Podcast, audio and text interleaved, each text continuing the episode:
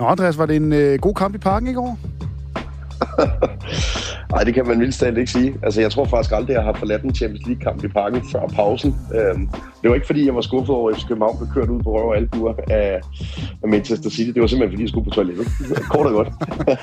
øh, og jeg kan, også forstå, jeg kan simpelthen også forstå, at vores faste vært, Anders, han, øh, han ligger derhjemme med samme parasit i maven. Så det, øh, det er åbenbart den slags, man skal leve med, når man er blevet børnefar.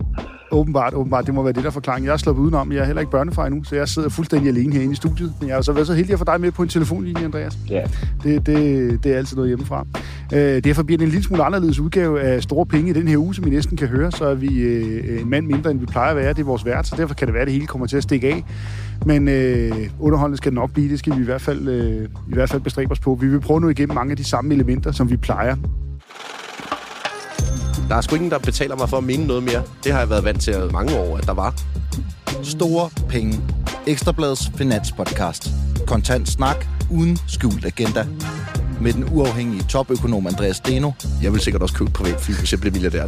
og den finanspolitiske analytiker Mikkel Rosenvold. Denne myte om, at vindenergien er det billigste, det holder simpelthen ikke. Sammen vender vi de store finanshistorier og giver dig råd til investeringer. Hvis jeg står med en pose penge, er det så bedre at vente? Nej, jeg vil hoppe på. Mit navn er Anders Olsen. Velkommen til Store Penge. Vores emne er for en gang skyld noget om Donald Trump, Andreas. Øh, ham kan vi godt lide at tale om. Øh, men vi skal også tale lidt bredere omkring amerikansk sikkerhedspolitik, betydning for markedet, og så, øh, så en mand, som vi har, har kritiseret lidt for lidt, synes jeg, i forhold til nogle af vores tidligere podcasts, nemlig David Trass, skal vi også, øh, skal vi også vende.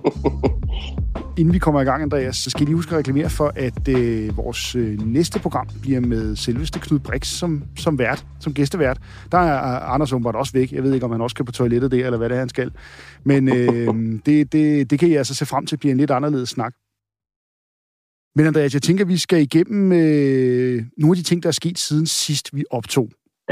Øh, noget af det, der har fyldt aller, allermest, har jo været Super Bowl. Og øh, jeg lagde jo meget mærke til øh, sådan, alt det, der sker omkring kampen. Jeg, jeg, jeg er ikke så meget øh, til at se det der amerikansk fodboldpjat. Øh, men øh, jeg lægger jo meget mærke til blandt andet, at Joe Biden, han brugte jo det her, brugte jo Super Bowl til at, til at udgive en masse øh, videoer på sociale medier. Øh, og, og, og, og han kom også med, med, med, med et tweet lige efter kampen, som var meget bemærkelsesværdigt, hvor han stod med de her meget karakteristiske laserøjne, som var, det, det er sådan lidt en 2022-ting på sociale medier. Øh, især omkring sådan nogle crypto bros, at man skulle have et profilbillede med, med, med sådan en laser ud af øjnene, hvor han, hvor, men, men pointen med tweetet var altså, at han, øh, øh, det her var planlagt. Altså, at det var Kansas City, der skulle vinde, det var Taylor Swift, der skulle vinde, og det hele skal jo resultere i, at Joe Biden vinder præsidentvalget. Jeg synes, det her var fremragende. Hvad, hvad, hvad synes du om, om hele den her sociale mediekampagne? Ja, altså, så logikken skulle være, at øh, Taylor Swift endnu en gang støtter demokraterne, som hun jo sådan lidt hvad skal man kalde det, fodslæbende gjorde ved det sidste valg. Altså hun var jo meget nervøs for, om hun kom til at, at ødelægge sin egen lytterbase og fanbase ved som, uh, som country girl og støtte demokraterne, men det, er jo, det tyder jo alt på, at hun gør mm. generelt og løbende.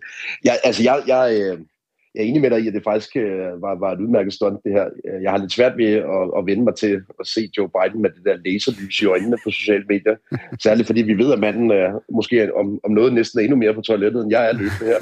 øhm, så, så altså, øh, men, men for første gang længe øh, er det kreativitet fra, fra Bidens øh, social mediekampagne på en måde, som vi ikke har set.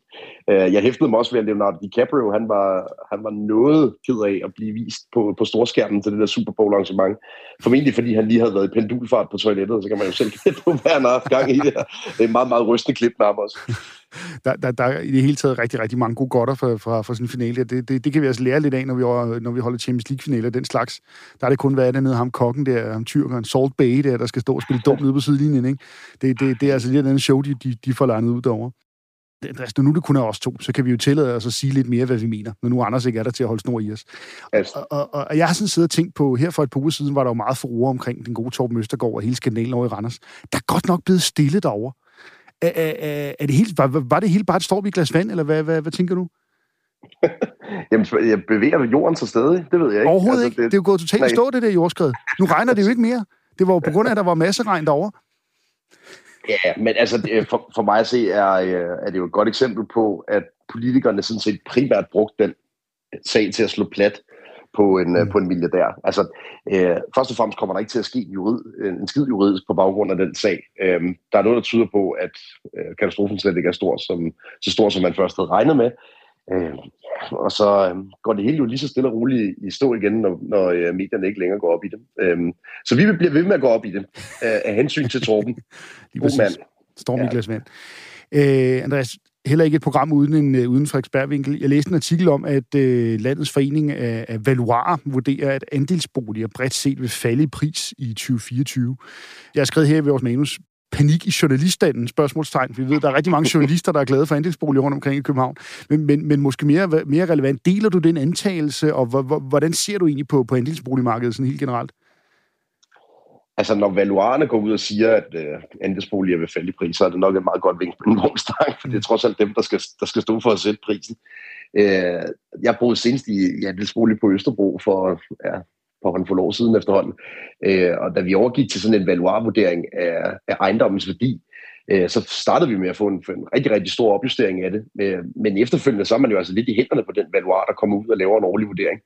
Øh, og givet det en årlig vurdering, så er der jo sådan en form for tidsefterslæb i andelsmarkedet i forhold til det almindelige boligmarked. Øh, fordi at den her pris, det her prispunkt bliver kun opdateret, når valuaren har været en tur forbi, og der skal aflægges en årsrapport.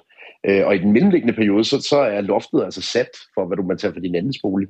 Øh, medmindre du begynder at sælge øh, møblemanget og hvad man ellers skal finde på med sort ved siden af. Ikke? Øh, så, så jeg tror egentlig, at den her pointe er fint nok, at, øh, at andelsboligerne vil falde i pris i 2024.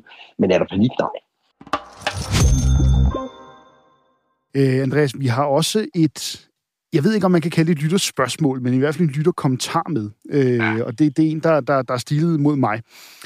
Øh, jeg skrev en klumme efter det her øh, storstilede Tucker Carlson Vladimir Putin-interview. Grundlæggende den samme analyse, som jeg også udrullede her i programmet, altså en, en, en ret tung kritik af den gode Tucker Carlson. Og det faldt altså en af vores faste lyttere, det ved jeg faktisk ikke, om han er, men det faldt i hvert fald den gode mand Claus Evald for brystet. Claus Evald, han er øh, advokat, og så er han skribent på den hjemmeside, der hedder 24nyt.dk, øh, øh, som mange af jer sikkert kender. Øh, Claus Evald, han skriver sådan her. Kære Mikkel, Inden du kommer over i selvfed med over at være Guds udvalgte inden for journaliststanden, så kan jeg fortælle dig, at du blot fortsætter rapplerierne sammen med dine mainstream media-kollegaer. Et kvalificeret gæt er, at alle jeres anmeldelser har været skrevet før interviewet. Virkeligheden er jo, at du kan opfatte Tucker Carlson som the lone rider ude i at forvalte det journalistiske métier, mens du, Mikkel, til sammenligning er en skolebladskribent med ansvar for bagsidens oplysninger om kommende arrangementer. Din hensynende 8-siders avis har på en god dag vel sagtens et opdagstal på 30-40.000 eksemplarer. Til gengæld har Tokker netop passeret næsten 100 millioner seere. Øh, og, og så fortsætter det lidt. Det, øh, øh, jeg tror, vi lader det blive ved det. Det, det, det. For det første må vi rose Claus for, for, for, for en virkelig, virkelig, virkelig fin mail her. Der er mange gode elementer.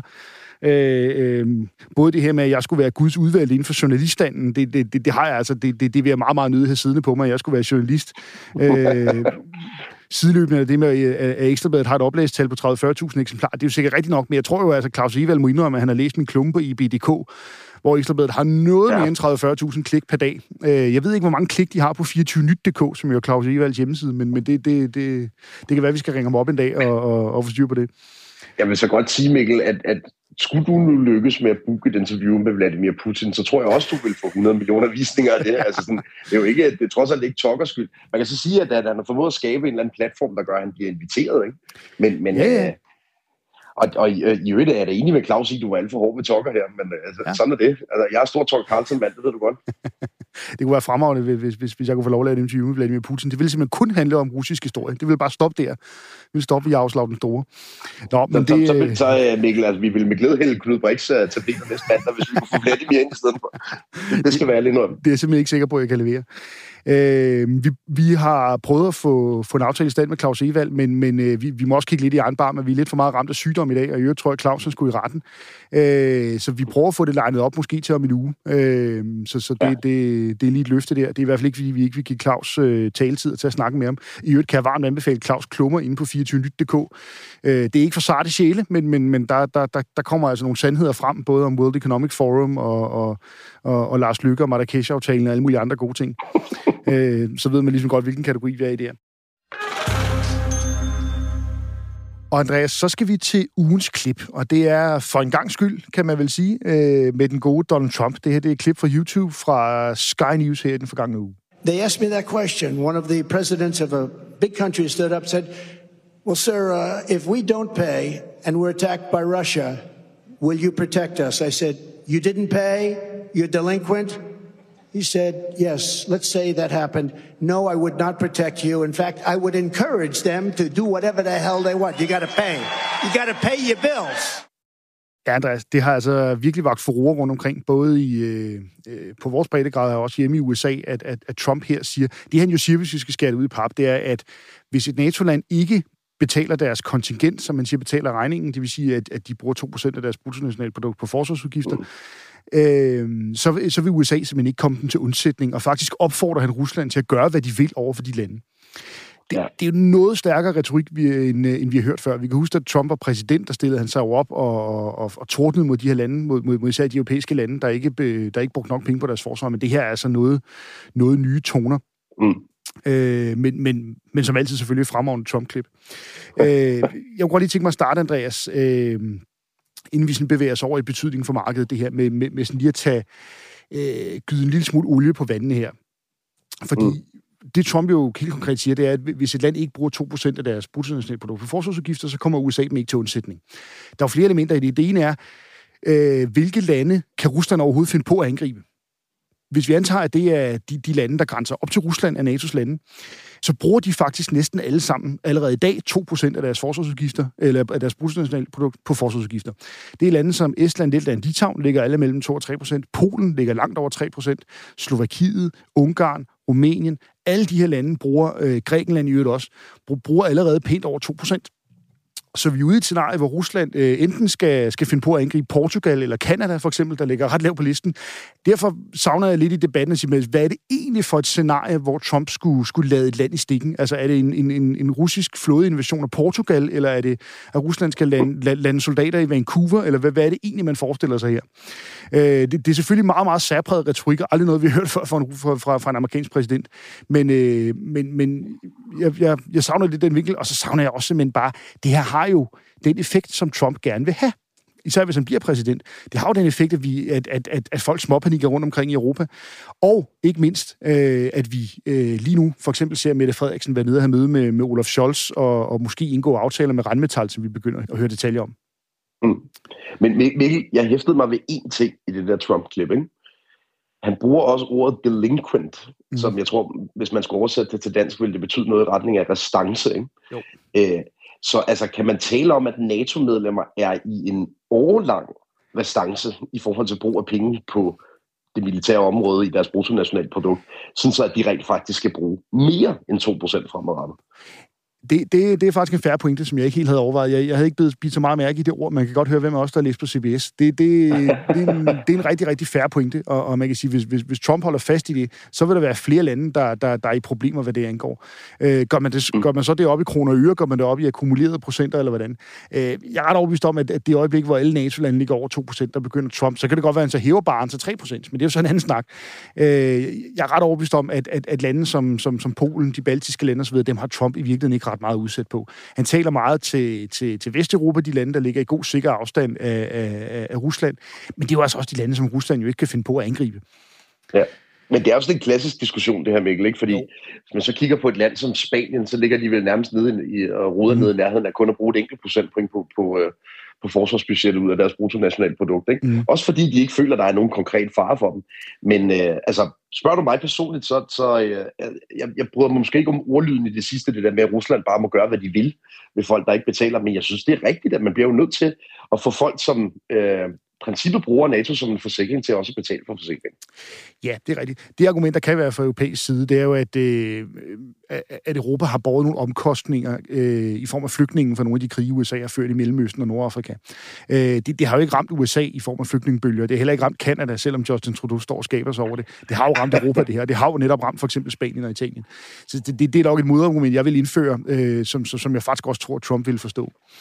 Øh, en helt anden vinkel, hvis vi bare lige skal sætte den sidste krølle på det her, Andreas, det er jo, at Øhm, nu bliver det, sådan, bliver det sådan kørt op til UHM, så står vi alene over for Rusland, og så hvis, hvis Rusland beslutter sig for det, jamen, så kører deres kampvogn bare på tværs af Europa, og, og, og kan, kan, kan i løbet af 14 dage stå nede på en franske riviera. Altså, det, det, er jo, det er jo ganske simpelt ikke tilfældet. Vi skal lige huske, at Rusland har brugt to år på at være i krig med et, et, et mellemstort land som Ukraine. Og Ukraine har vist en fantastisk modstandsdygtighed og har offret enormt meget menneskeliv, og er også et, et, et, et, et mellemstort land, men Ukraine har jo slet ikke de militære kapabiliteter, som for eksempel USA, Frankrig, Polen især har. Så, så, så det initiale russiske fremstød for her for, for, for meget præcis to år siden, øh, nåede jo ikke mere end 100 km ind i Ukraine, så løb de tør for brændstof. Og så havde de problemer med at få brændstof frem til deres kampvogne. Så den der idé om, at hvis, hvis russerne de ruller, så, så, så stopper de ikke før Atlanterhavet, det, det, det, det er helt tosset. Rusland øh, øh, har absolut nul interesse i at komme i en åben konflikt med, med, med NATO. Også selvom NATO i det her tilfælde så vil være uden USA. De vil simpelthen få, få en kæmpe røvfuld. Det kan godt være, at der er lang vej til Moskva, og det kan godt være, at vi, vi, vi, vi ikke bare lige kan tage over og, og, og anholde Putin. Men, men, men den her tanke om, at Europa er totalt uforberedt, den, den, den holder altså heller ikke. Den russiske økonomi er allerede meget hårdt spændt for øh, af krigen. Øh, de har allerede mistet enormt mange menneskeliv, så, så den her idé om, at vi skal gå og være så bange for russerne, øh, køber jeg altså ikke helt. Øh, jeg vil lige slutte af, Andreas, med min, øh, min ugens konkurs. Mm. Og det er folketingsmedlemmet øh, Rasmus Lund Nielsen fra Moderaterne, som skrev det, som i min verden er det dummeste tweet nogensinde der skal alligevel noget til. Øh, han skriver med reference til blandt andet den her, den her udtalelse fra Trump, men også en artikel i Jyllandsposten. Uhyggelig læsning i Jyllandsposten om truslen fra Rusland og om Danmarks ramponerede forsvar. Samtidig opfordrer Trump til angreb. Det står mere og mere klart for mig, at afskaffelsen af store bededag var en god beslutning. Og det, det, det er altså et voldsomt tweet, Andreas. Han mener simpelthen, at svaret på alt det her, vi har siddet og talt om, svaret på truslen for Rusland, det er simpelthen at afskaffe store bededag. At den har regeringen ligesom løst. Det kan vi takke Mette Frederiksen og Lars Lykke for. Og det, det er jo et fuldstændig vanvittigt standpunkt, det her, Andreas. Ja, der skal jeg lige lidt klemme her. Jeg kender Rasmus ret godt privat, så øh, der ham får du lov at svine til alene. Ja, det, det, det har jeg altså også gjort ind på Twitter. Vi, vi, vi, vi, vi er i hvert fald ikke helt enige. Øh, jeg, jeg, jeg synes, det her er himmelråbende vanvittigt. Øh, øh, helt, helt vanvittigt forsvar af afskaffelsen af. Men, øh, men ja. Men Mikkel, nu ved jeg ikke, om, om vi alene kan tilskrive det, det her sludder, som Rasmus har fået skrevet på, på X. Men vores gamle investordarling her, Regnmetal, som øh, Mette Frederiksen altså angiveligt også har været nede og besøge sammen med Olaf Scholz, den er jo mere eller mindre på himmelflugt. Hvis vi bare kigger i, i løbet af februar måned, øh, så er kursen gået fra ja, omtrent 335 euro til 370, og det kommer altså oven i en bevægelse, øh, som var rigtig, rigtig stærk ind i, ind i slutningen af året, også ind i starten af året. Så det er, det er fuldstændig paraboliske stigninger, vi ser i regnmetal, og øh, Mette Frederiksens potentielle ordre her, altså øh, ja, sidste øh, super nyhed for, for regnmetal. Så hvis man kan, ellers kan finde ud af at parkere sin etik og moral, så er det altså stedet at være investeret det her. Ja, ja, og, og jeg synes jo snarere, man skal rose Mette Frederiksen for sådan en type aftale, end at, end at rose for store bededag. Det, det, det er altså, jeg, jeg tror, regnmetal er et væsentligt større spiller i, øh, øh i truslen for Rusland, end, end afskaffelsen af store bededag er. Altså, jeg kunne godt lige tænke mig at dreje lidt mere over på din banehalvdel omkring markeder og, og den globale økonomi, og tale lidt om det her med USA's rolle, fordi vi, vi, vi, vi har talt lidt om det i løbet af ugen. Hvordan ser du, hvis, hvis, hvis vi skal tegne det helt op i helikopteren, så, så handler det her jo også om USA's rolle i forhold til Europa. Hvilken gavn USA har haft af Europa? Og hvis vi kigger på det øh, øh sådan, sådan, sådan historisk set, hvad har så været USA's fordel af at have den her store alliance med Europa? Ja, altså amerikanerne har jo fået øh, en masse sikkerhedspolitik ud af det her. Øh, og det hænger jo også sammen med, at øh, den amerikanske dollar har spillet så væsentlig en rolle øh, for øh, den amerikanske udenrigspolitik, som den har igennem ja, de mange årtier. Øh, det er det, man skal huske på i den her sammenhæng, at når amerikanerne længe har accepteret, at Europa betaler mindre end 2% for den her forsikring i NATO, så har der implicit ligget en forventning om, at verdenshandlen bliver stort set udført alene i dollars. Alle råvareaftaler bliver øh, sætlet i dollars. Øh, de europæiske centralbanker køber en masse dollars og bruger som reservevaluta på grund af de her ting.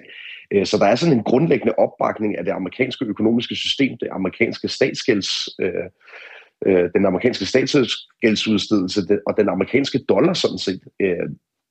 Hele vejen rundt er det her jo limet sammen med sikkerhedspolitikken. Så hvis ikke USA var garant for Europas sikkerhed, så er det da ikke sikkert, at Europa vil acceptere, at dollaren skulle spille så væsentlig en rolle. Og det er egentlig den samme logik, man kan, man kan tillægge øh, amerikanernes forhold til en masse andre regioner på, på kloden, hvor man også har stillet en form for sikkerhed øh, til rådighed for brugen af den amerikanske dollar for øh, opbakning til øh, det, det dollarbaserede finansielle system og det dollarbaserede handelssystem. Hvilken effekt har det for eksempel haft på råvaremarkedet og andre markeder?